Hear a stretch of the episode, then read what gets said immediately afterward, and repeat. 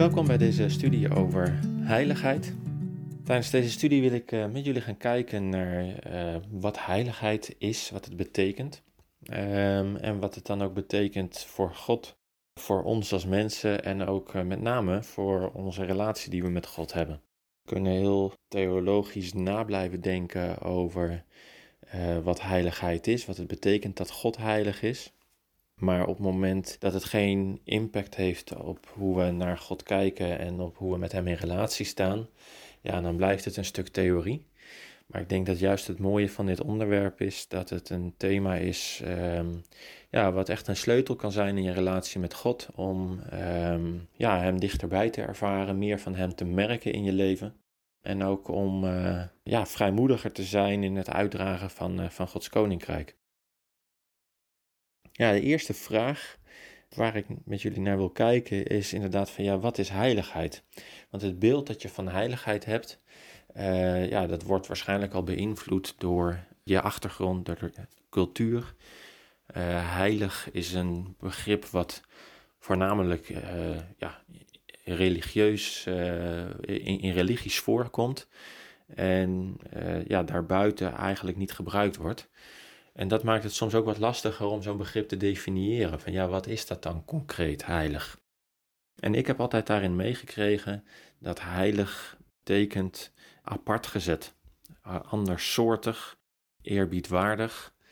En het beeld dat ik daar vaak bij heb meegekregen, is dat God zo heilig is dat dat betekent dat hij ook heel zuiver is, heel rein is en zo anders en apart gezet dat hij eigenlijk onbenaderbaar wordt. En God is zo heilig en daardoor kunnen wij als mens niet meer bij hem komen. Want wij zijn namelijk niet heilig. Wij zijn zondig, wij hebben verkeerd gedaan. En daardoor ja, is die relatie met God niet meer mogelijk. Totdat Jezus kwam en uh, nou, kunnen, is de relatie weer hersteld. Kan God ons vergeven en uh, kunnen we toch een relatie met God hebben. Nou, dit is denk ik een beetje eh, de basis van het evangelie, zoals heel veel uh, mensen dat mee hebben gekregen. Um, en wat, uh, waarop detail ook wordt, op wordt ingegaan in de studie over het evangelie. Ik ga er nu niet tot detail op in, maar ik wil er wel een aantal dingen over zeggen, um, omdat er naar mijn idee een heel aantal misvattingen in zitten. En het eerste is van ja, als God heilig is en dat betekent dat hij andersoortig is en uh, apart gezet, ja, wat betekent dat dan? Is dat dan terecht om te zeggen dat dat betekent dat hij uh, ja, zo ver afstaand is, zo, uh, zo zuiver is en dat, dat wij als zondige mensen niet meer bij hem kunnen komen? Het beeld wat we daar vaak bij hebben is als een soort water en vuur. Um, ja, water en vuur gaat gewoon niet samen. Dus omdat God heilig is en wij niet, kan het niet samen bestaan. Ik denk echter dat Gods heiligheid iets heel anders betekent. Wat is Gods heiligheid en wat is het effect van zonde en Gods heiligheid op elkaar? Dat is eigenlijk de vraag die ik zou kunnen zeggen. Van als water en vuur niet samengaan, ja, dat komt omdat het een bepaald effect op elkaar heeft. Um, maar hoe zit het dan met Gods heiligheid en met onze zonde? Nou, zoals ik al zei, ja, je zou kunnen zeggen heilig is schoon, zonde is vies. En heiligheid wijst dus de zonde af. En uh, dat is misschien wel een beetje het kernpunt van zoals dat heel vaak onderwezen wordt en het beeld dat veel mensen daarbij hebben. Ja, de heiligheid wijst zonde af, omdat heiligheid schoon is en dus niets met vies te maken kan hebben. Maar de heiligheid van God is heel anders. En hoe weten we dat? Nou, voornamelijk omdat we het karakter van God kunnen zien in Jezus. Uh, Jezus is de perfecte afstraling van Gods wezen. Uh, Jezus uh, laat zien wie God is. Jezus is, het beeld van de onzichtbare God. Um, en als we nu zien wat Jezus doet, dan is, het, dan is Jezus God zelf die mens wordt.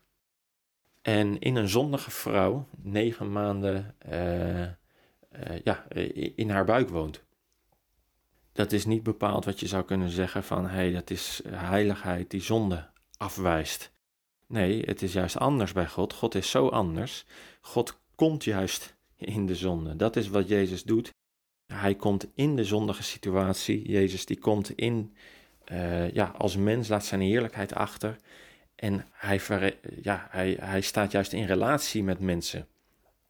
Een heel mooi voorbeeld um, vind ik uh, in Matthäus 9, vers 18 tot 22. Dat is het verhaal van de uh, bloedvloeiende vrouw die Jezus aanraakt. Die, raakt Jezus nog niet eens aan, maar die raakt zijn mantel aan.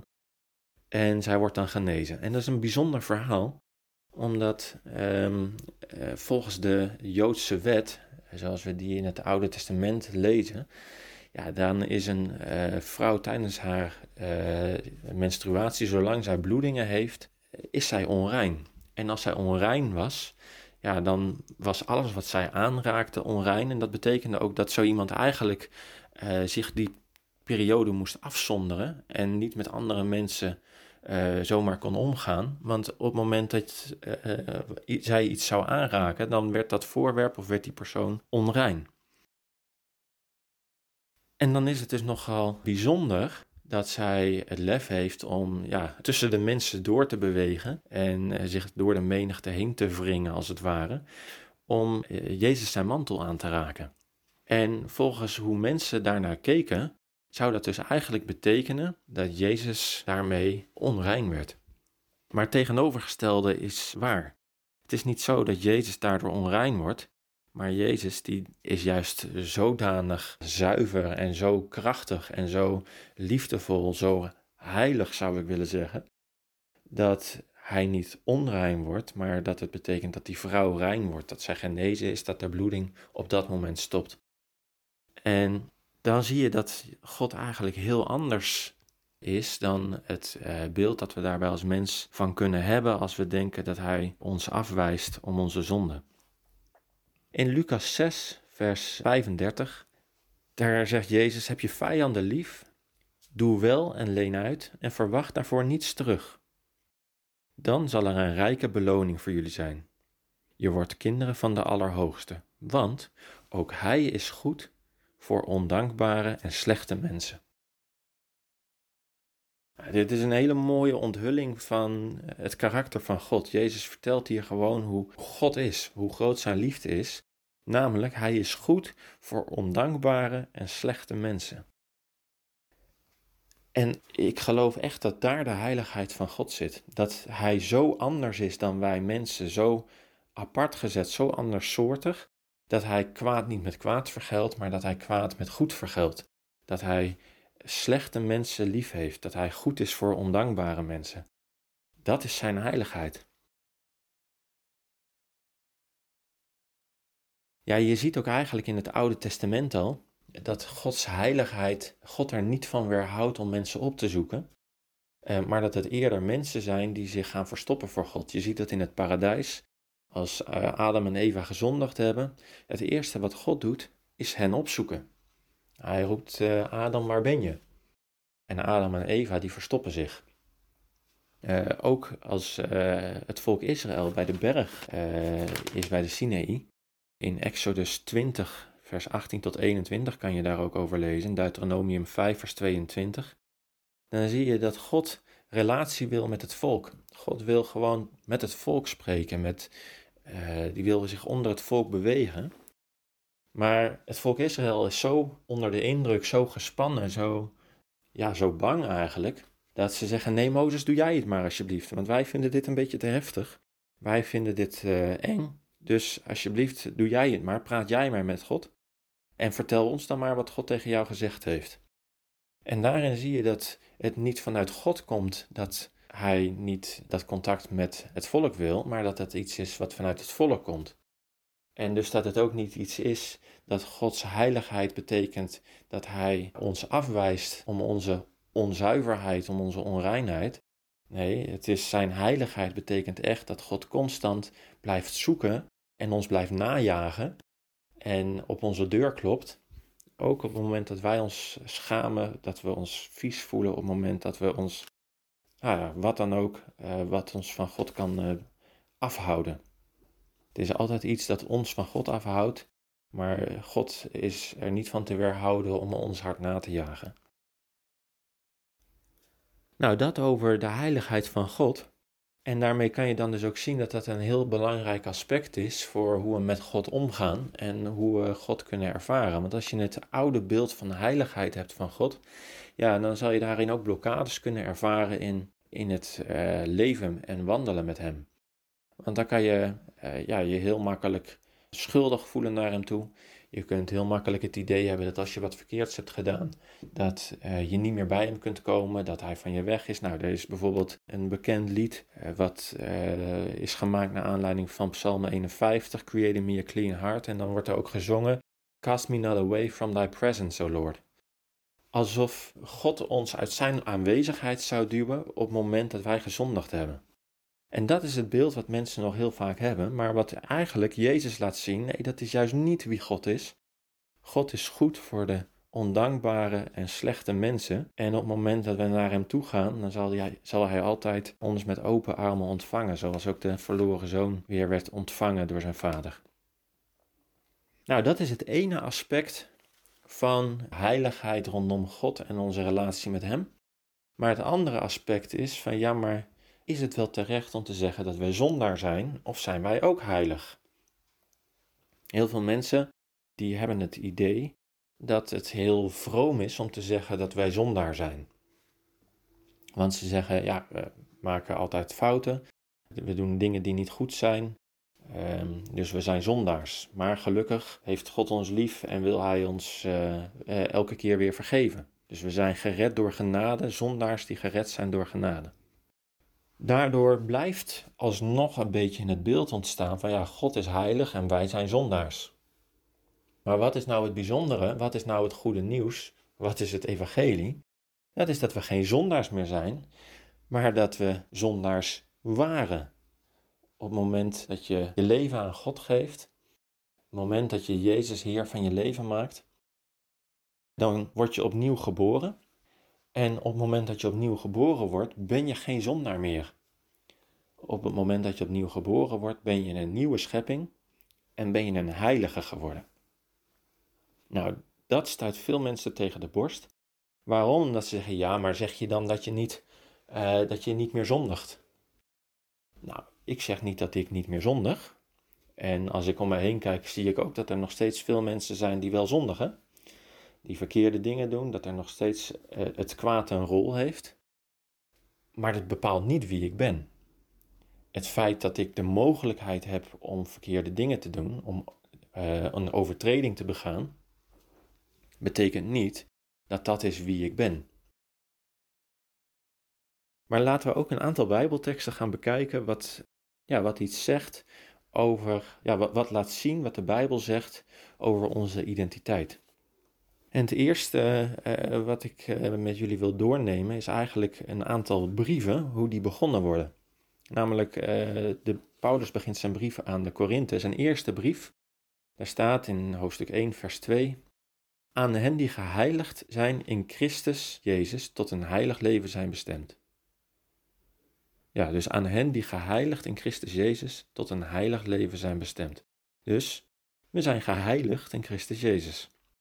Zijn tweede brief aan de Korinthe begint hij zo: aan de gemeente van God in Korinthe en aan alle heiligen in geheel Achaïe.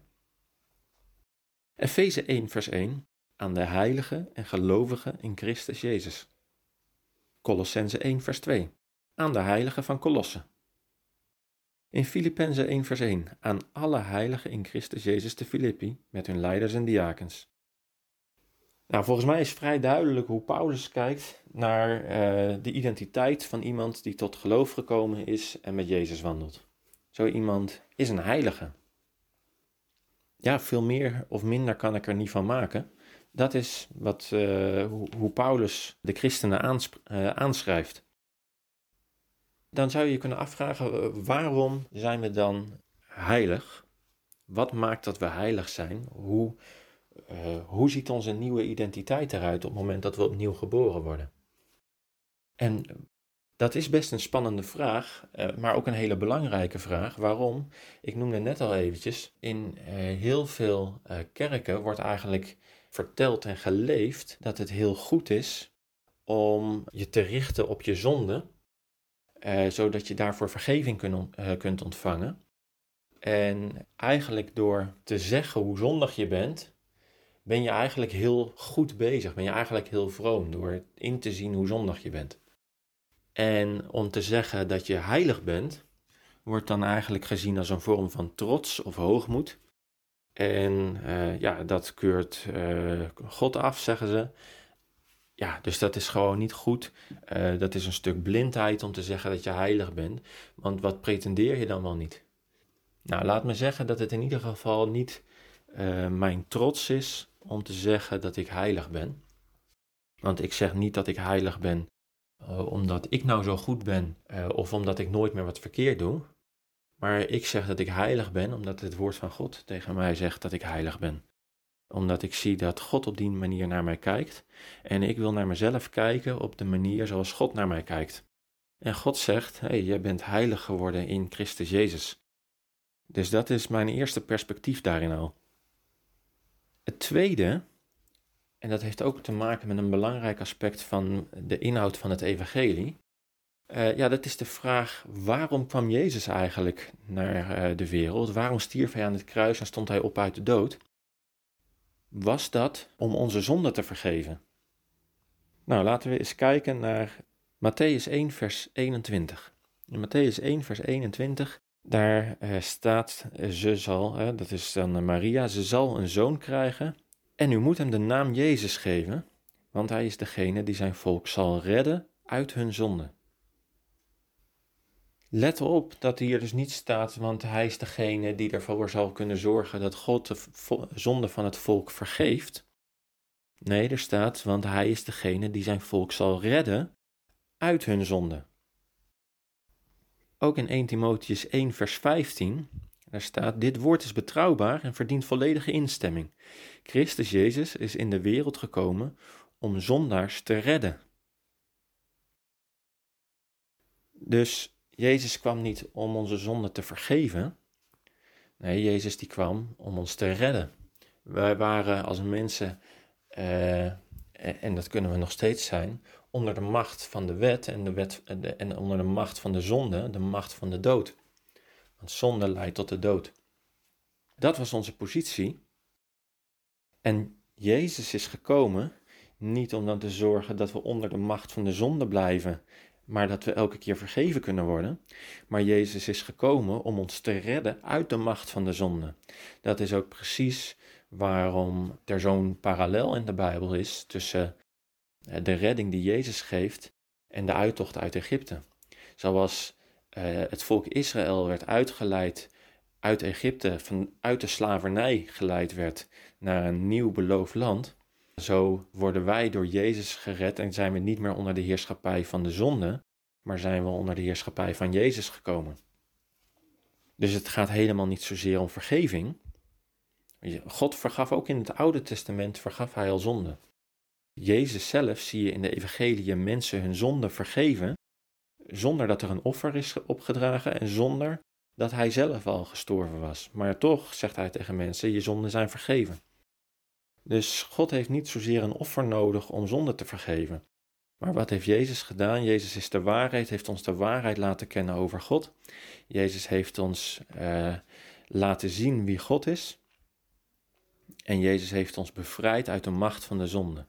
Wat dus betekent dat op het moment dat we met Jezus gaan leven, de zonde geen macht meer heeft over ons leven. En we inderdaad vrij van zonde kunnen leven.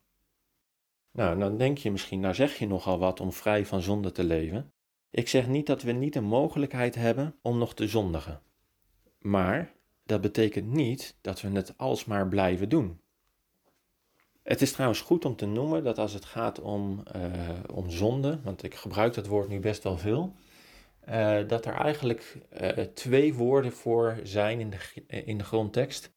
En het een dat is, uh, zou je kunnen duiden als het bij God vandaan gaan, het niet samen met God leven, het afkeren van God, wat uh, zonde genoemd wordt. Maar het andere woord, uh, dat is de overtreding, het maken van een overtreding. Dat is een belangrijk onderscheid te maken in het duiden van, hé, hey, maar hoe leven we met God? Kijk, ik kan mijn leven op God gericht hebben, met Hem leven en toch bepaalde uitglijders maken, een keer een zwak moment hebben, wat dan ook. Uh, dan maak ik een overtreding, maar betekent niet dat ik bij God vandaan ben meteen. Dus dat onderscheid is al goed om te hebben. Als je kijkt naar 1 Johannes 1, vers 8, daar staat: Als wij zeggen zonder zonde te zijn, bedriegen we onszelf en woont de waarheid niet in ons. Dus misschien denk je van ja, zie je daar staat in dat vers van ja, je kan niet zeggen dat je zonder zonde bent, want dan bedrieg je jezelf. Dat is wat de Bijbel zegt, want we zijn allemaal zondaars. Maar laten we dan ook verder lezen en kijken wat staat er in vers 9. Daar staat, als we onze zonde beleiden, is Hij zo getrouw en rechtvaardig dat Hij onze zonde vergeeft en ons reinigt van alle ongerechtigheid. Dus als we onze zonde beleiden, dan is Hij zo getrouw en rechtvaardig dat Hij onze zonde vergeeft en ons reinigt van alle ongerechtigheid. Merk op dat, uh, dat uh, Johannes hier zegt dat God zo rechtvaardig is om onze zonde te vergeven. Dat vind ik ook wel echt cool. Dat laat dus zien dat uh, de manier waarop God recht spreekt, hè, als we het hebben over een oordeel en over Gods rechtvaardigheid, dat het zijn rechtvaardigheid is die ons vergeeft. Waarom? Omdat de macht van de zonde gebroken is en Jezus getriomfeerd heeft aan het kruis over alle machten van het kwaad. En die hebben geen recht meer op ons. En op het moment dat die wel hun invloed op ons willen doen gelden, dan is het dus rechtvaardig van God om ons daarvan te verlossen en te bevrijden. En dan staat er in vers 10, maar als wij zeggen dat wij geen zonde bedreven hebben, maken wij hem tot een leugenaar en woont zijn woord niet in ons. Hier zo, als je dit gedeelte leest, moet je heel goed uh, kijken van, hé, hey, maar wat wordt hier dan bedoeld met zonde? Want je zal misschien zeggen van, ja, kijk, als je zegt dat je geen zonde bedreven hebt, dan maken we hem tot leugenaar. Nou, iedereen heeft zonde bedreven. Maar waar het om gaat, is dat uh, Johannes hier zo heel duidelijk wil maken dat we allemaal redding nodig hebben. Dat we allemaal nodig hebben om opnieuw geboren te worden, om uh, in relatie met God te komen. Want we zijn allemaal in die positie geweest, uh, en velen zijn dat nog, dat je onder de macht van de zonde bent. En op het moment dat je dat niet ziet, ja, dan zou je ook zeggen, dan, dan, dan, dan kan je ook de, geen waarde geven, hè? dan kan je de redding van, uh, die God gegeven heeft niet op waarde schatten. Dus als er staat in Johannes 1, 1 Johannes 1 vers 8 van als we zeggen zonder zonde te zijn bedriegen we onszelf en woont de waarheid niet in ons, dan gaat het daar bij Johannes niet om dat je al uh, met Jezus leeft en toch een keer iemand uh, voorliegt of een keer iemand beledigt of een grotere fout maakt, wat dan ook, daar gaat het hier helemaal niet om. Nee, het gaat erom, we bedriegen onszelf en de waarheid woont niet in ons als we zeggen, nee, maar ik ben zo goed, ik heb geen redding nodig.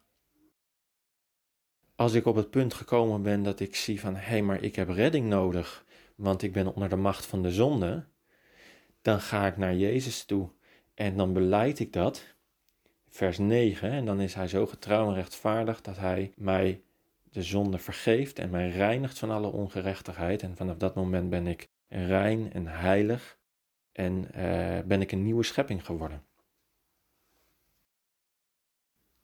Dat wat betreft over, uh, ja, over de zonde, zijn we dan zondaar of zijn we heilig? Nou, ik denk dat hier wel duidelijk wordt dat de Bijbel zegt dat we heilig zijn. En dat het de bedoeling is dat we door het evangelie gered worden van zonde, dat we niet meer zondigen, dat we een zuiver leven leiden, dat we een rein leven hebben. En dat betekent niet dat we niet meer de mogelijkheid hebben om verkeerde keuzes te maken, maar betekent wel dat we in de kracht van de Heilige Geest de zonde overwinnen in ons leven, zodat we meer en meer op Jezus gaan lijken. Een beeld wat daarbij kan helpen is dat met dat we opnieuw geboren zijn, dat we met Jezus gaan leven, dan ontvangen we een nieuwe geest. En eh, die geest van God, die is daaraan verbonden. En met dat wij een nieuwe geest hebben, hebben we nog wel onze oude ziel en ons oude lichaam. Dat verandert niet ineens. En de rol die we dan hebben, de taak die we hebben als christen, is om te gaan leren vanuit de geest te leven. En die staat in verbinding met onze ziel en dat staat in verbinding met ons lichaam. Om zo meer en meer van Gods geest ook in onze ziel te krijgen en in ons lichaam te krijgen. Uh, en niet meer te leven vanuit het vlees.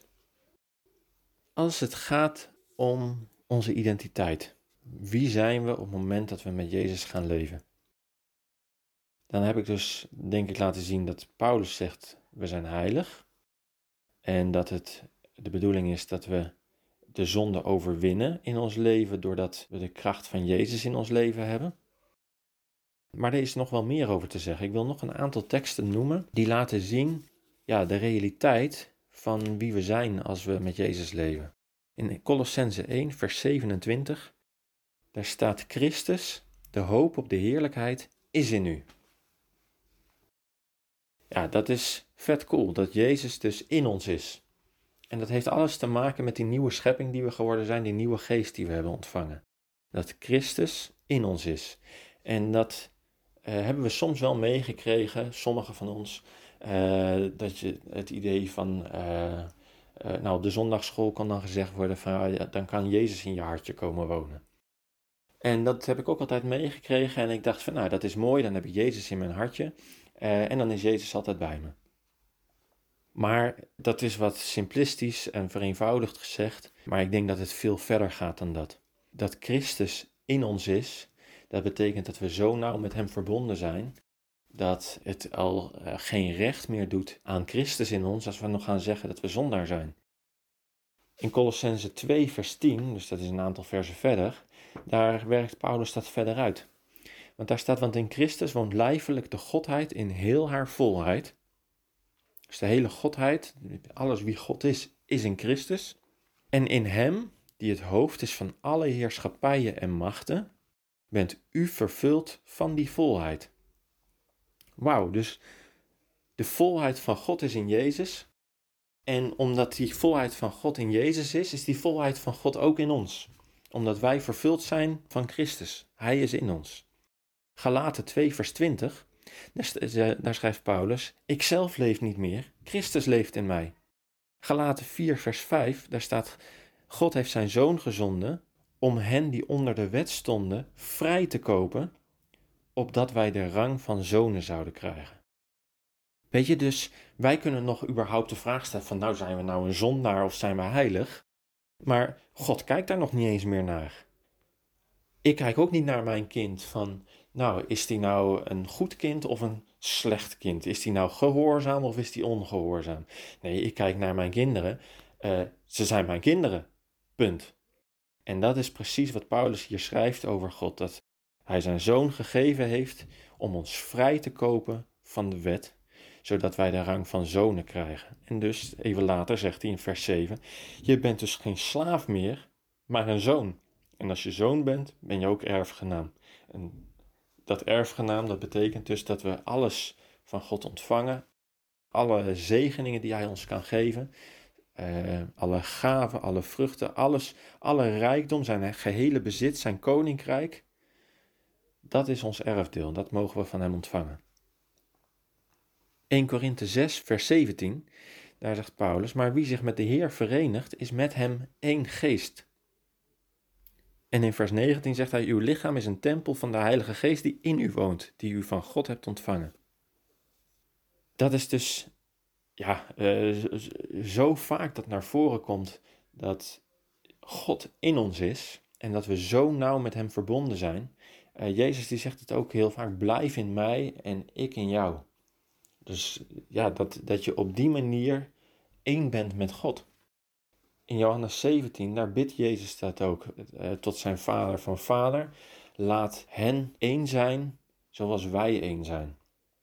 En ja, dat Jezus daarin toepast, datgene zoals hij de eenheid met God heeft, dat wij die eenheid ook hebben met God. En dat haalt ons dus eigenlijk onder de wet vandaan, en dat is precies ook wat hier in die versen naar voren komt, het haalt ons onder de wet vandaan, om te gaan leven in de genade, dat we gewoon weten dat we een zoon zijn. En weet je, als je een zoon bent van God, dan kan je daarin gaan wandelen en kan, kan je ook in gaan groeien. op het moment dat je een kind bent, je wordt opnieuw geboren. Dat is het beeld wat de Bijbel er ook voor geeft. Je wordt opnieuw geboren. Ja, dan moet je dingen leren. Dan gaat niet alles vanzelf. Dan gaat niet alles goed. Dan maak je fouten. En het meeste leer je door fouten te maken. Dat is helaas vaak hoe het werkt. Hoe meer fouten we maken, hoe meer we leren. Als je tenminste je ogen open houdt en blijft leren van je fouten. Dus op het moment dat wij zonen van God worden, dat we, op het moment dat we dochters van God worden, dan gaat het er dus helemaal niet meer om van, ja, maar wat zegt de wet? Doen we het goed of doen we het fout? Nee, we zijn zonen geworden, we zijn dochters geworden. Punt. Doen we dan niks meer fout? We zijn aan het leren, we zijn aan het groeien. En daar zit gelijk een belangrijk aspect. Het is belangrijk om te groeien. Het is belangrijk om te leren.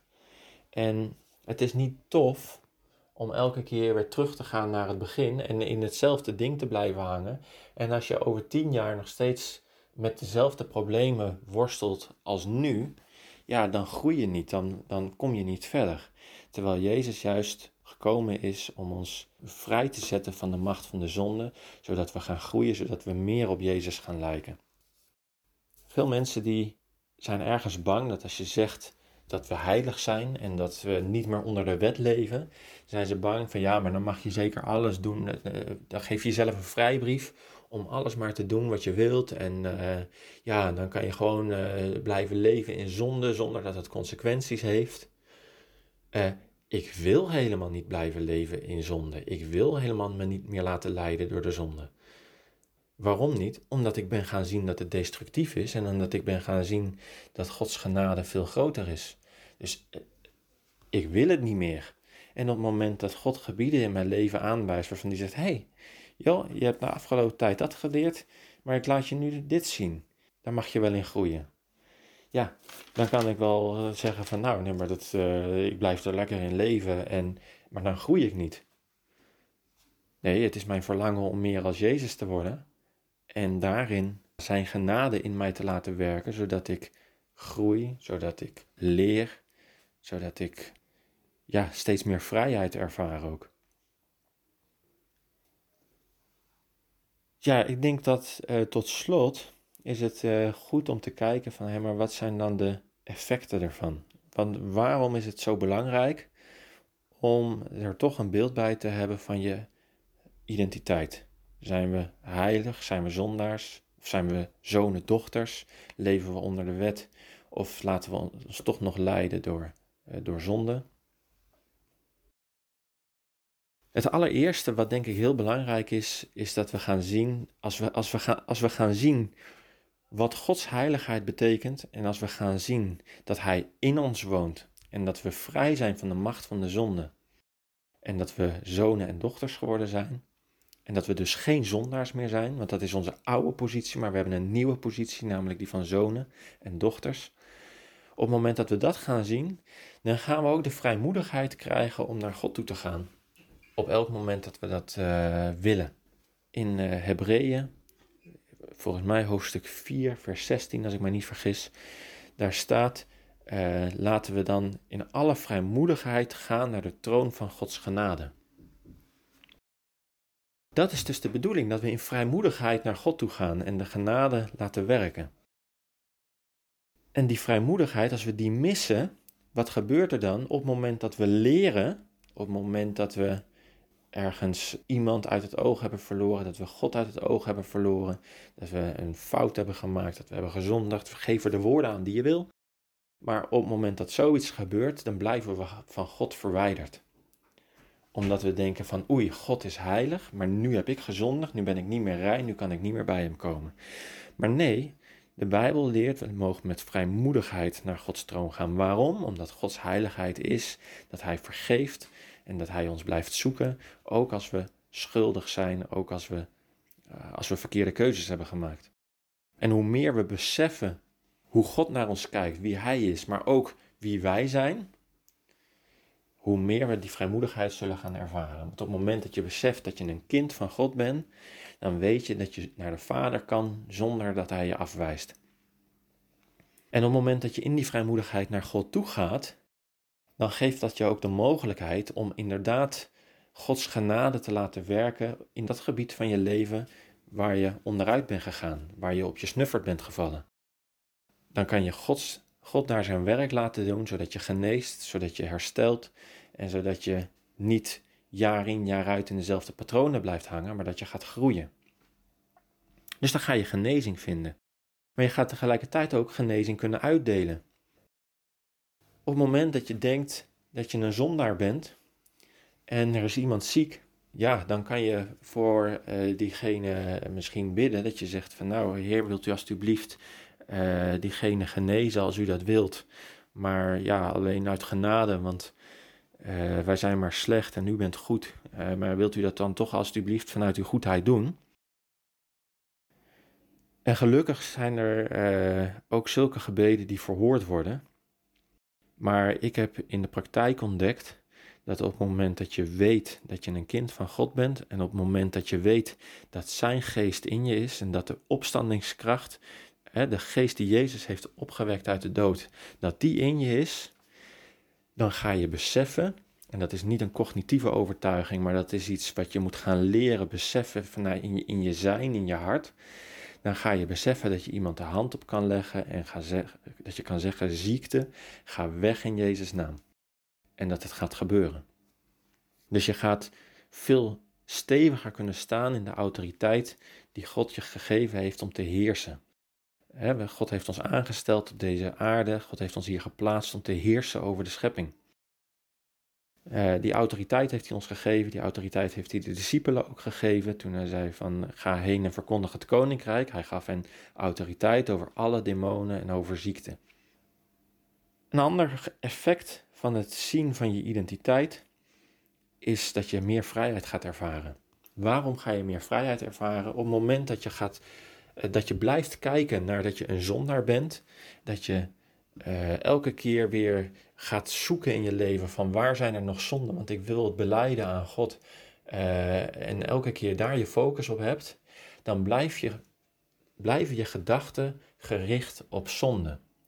En dat is hetzelfde als het psychologische effect dat ik nu tegen je kan zeggen van je mag niet aan een paarse olifant denken, uh, of aan een roze olifant. Ik weet niet meer hoe het verhaaltje was. Het maakt ook niet uit.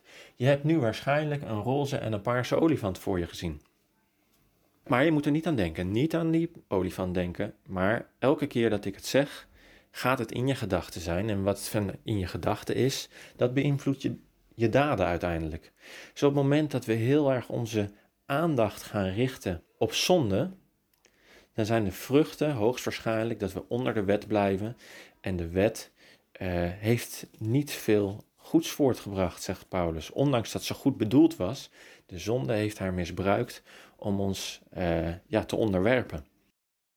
Maar op het moment dat we onze ogen gericht houden op Jezus, op dat Hij ons vrijgekocht heeft, op dat Hij van ons houdt, op, op zijn liefde, op zijn genade, dat we onze gedachten daarmee blijven vullen, dan gaan we vrijheid ervaren, dat we merken dat we helemaal niet meer tegen zonde hoeven te vechten, dat we, dat we helemaal niet meer bewust zijn van zonde in ons leven. En op het moment dat, we, dat God tegen ons dingen zegt van, hé, hey, hier is een aspect in je leven, daar wil ik met je aan, aan werken, dat we zeggen, oké, okay, daar gaan we aan de slag en dan ga je groeien. Maar dan ga je groeien in vrijheid, omdat je verlost bent van de zonde. Dus de vruchten van uh, de focus op je identiteit en op Gods liefde zijn vrijheid en een heilig leven. Op het moment dat je focust op Gods liefde, dan zal het resultaat zijn dat je een heilig leven kunt leiden. Op het moment dat je gaat focussen op zonde, dan gaat het effect waarschijnlijk zijn dat je schulden gaat voelen, dat je veroordeling ervaart en dat je verwijdering van God ervaart. En dat is waarom je zoveel ziet dat mensen elke keer op zondagochtend weer gaan vragen om meer van de aanwezigheid van God. Heer, kom toch alstublieft met uw geest. Heer, we willen meer van uw geest ontvangen. Nou, het zit in heel veel gebeden, in heel veel liederen zit er taal in waarin blijkt dat we ons uitstrekken naar meer van God. Dat we ja, weer opnieuw God dichtbij willen ervaren.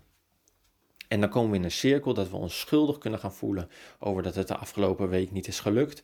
Of het afgelopen jaar niet is eh, gelukt. Dat zie je soms ook met conferenties. Dat mensen op zo'n conferentie heel erg God ervaren. En uh, een jaar later, dan kijken ze terug en ze: hé, hey, ik heb dat helemaal niet zo mee naar huis kunnen nemen. En dan gaan ze zich uh, elk jaar weer met de oproep om je te bekeren, weer naar voren voor zich laten bidden, om weer opnieuw naar God toe te gaan. Terwijl op het moment dat we gaan focussen op Gods liefde, dan kunnen we gaan zien dat, ja, dat Hij ons in Zijn liefde alles al gegeven heeft. Dat we vrij zijn, dat Hij niet met veroordeling naar ons kijkt, maar dat Hij ons gered heeft en dat Hij ons heeft opgenomen in Zijn huisgezin. En het gaat zo dan je mindset veranderen, dat gaat zo je uh, gedachten beïnvloeden, dat gaat zo je handelen beïnvloeden, dat je daadwerkelijk hele mooie vruchten gaat zien in je leven. Dus ik denk dat heel veel onderwijs wat gericht is op zondebesef en op het beleiden van je zonde, dat dat een doel heeft dat we een heilig leven leiden. Dat zie ik, dat het heel goed bedoeld is, dat er een verlangen is om heilig te leven. Maar vaak is de vrucht ervan het tegenovergestelde. En er is een angst om te richten op genade, omdat we dan zomaar alles zouden kunnen doen en laten. En we, en, en, en we een heel onzuiver leven zouden leiden. Maar juist het richten op Gods genade leidt ertoe dat je gaat wandelen in vrijheid, dat je je kunt laten leiden door Gods geest, dat je niet meer staat onder de wet, maar onder de wet van genade.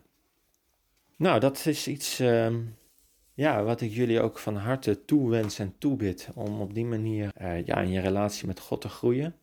Om te gaan zien dat je een kind van God bent, dat je gaat zien dat je niet een zondaar meer bent als je met Hem leeft. Ik zeg niet dat je nooit met God moet praten over stukken in je karakter, uh, stukken, bepaalde keuzes die je hebt gemaakt. Tuurlijk is het God goed om God licht te laten schijnen op ieder gebied van je leven. Maar laat je vullen met zijn liefde en niet met zondebesef, maar met besef van zijn genade, van zijn liefde voor jou. Nou, daar wil ik graag mee afsluiten. Ik hoop uh, dat je er wat aan hebt. Check ook de andere studies op onze website. Veel studies haken ook wel op een bepaalde manier op elkaar in. Dus blijf je verdiepen in Gods liefde en Gods genade. Dan uh, zul je gaan merken dat je vrijheid gaat vinden in Jezus.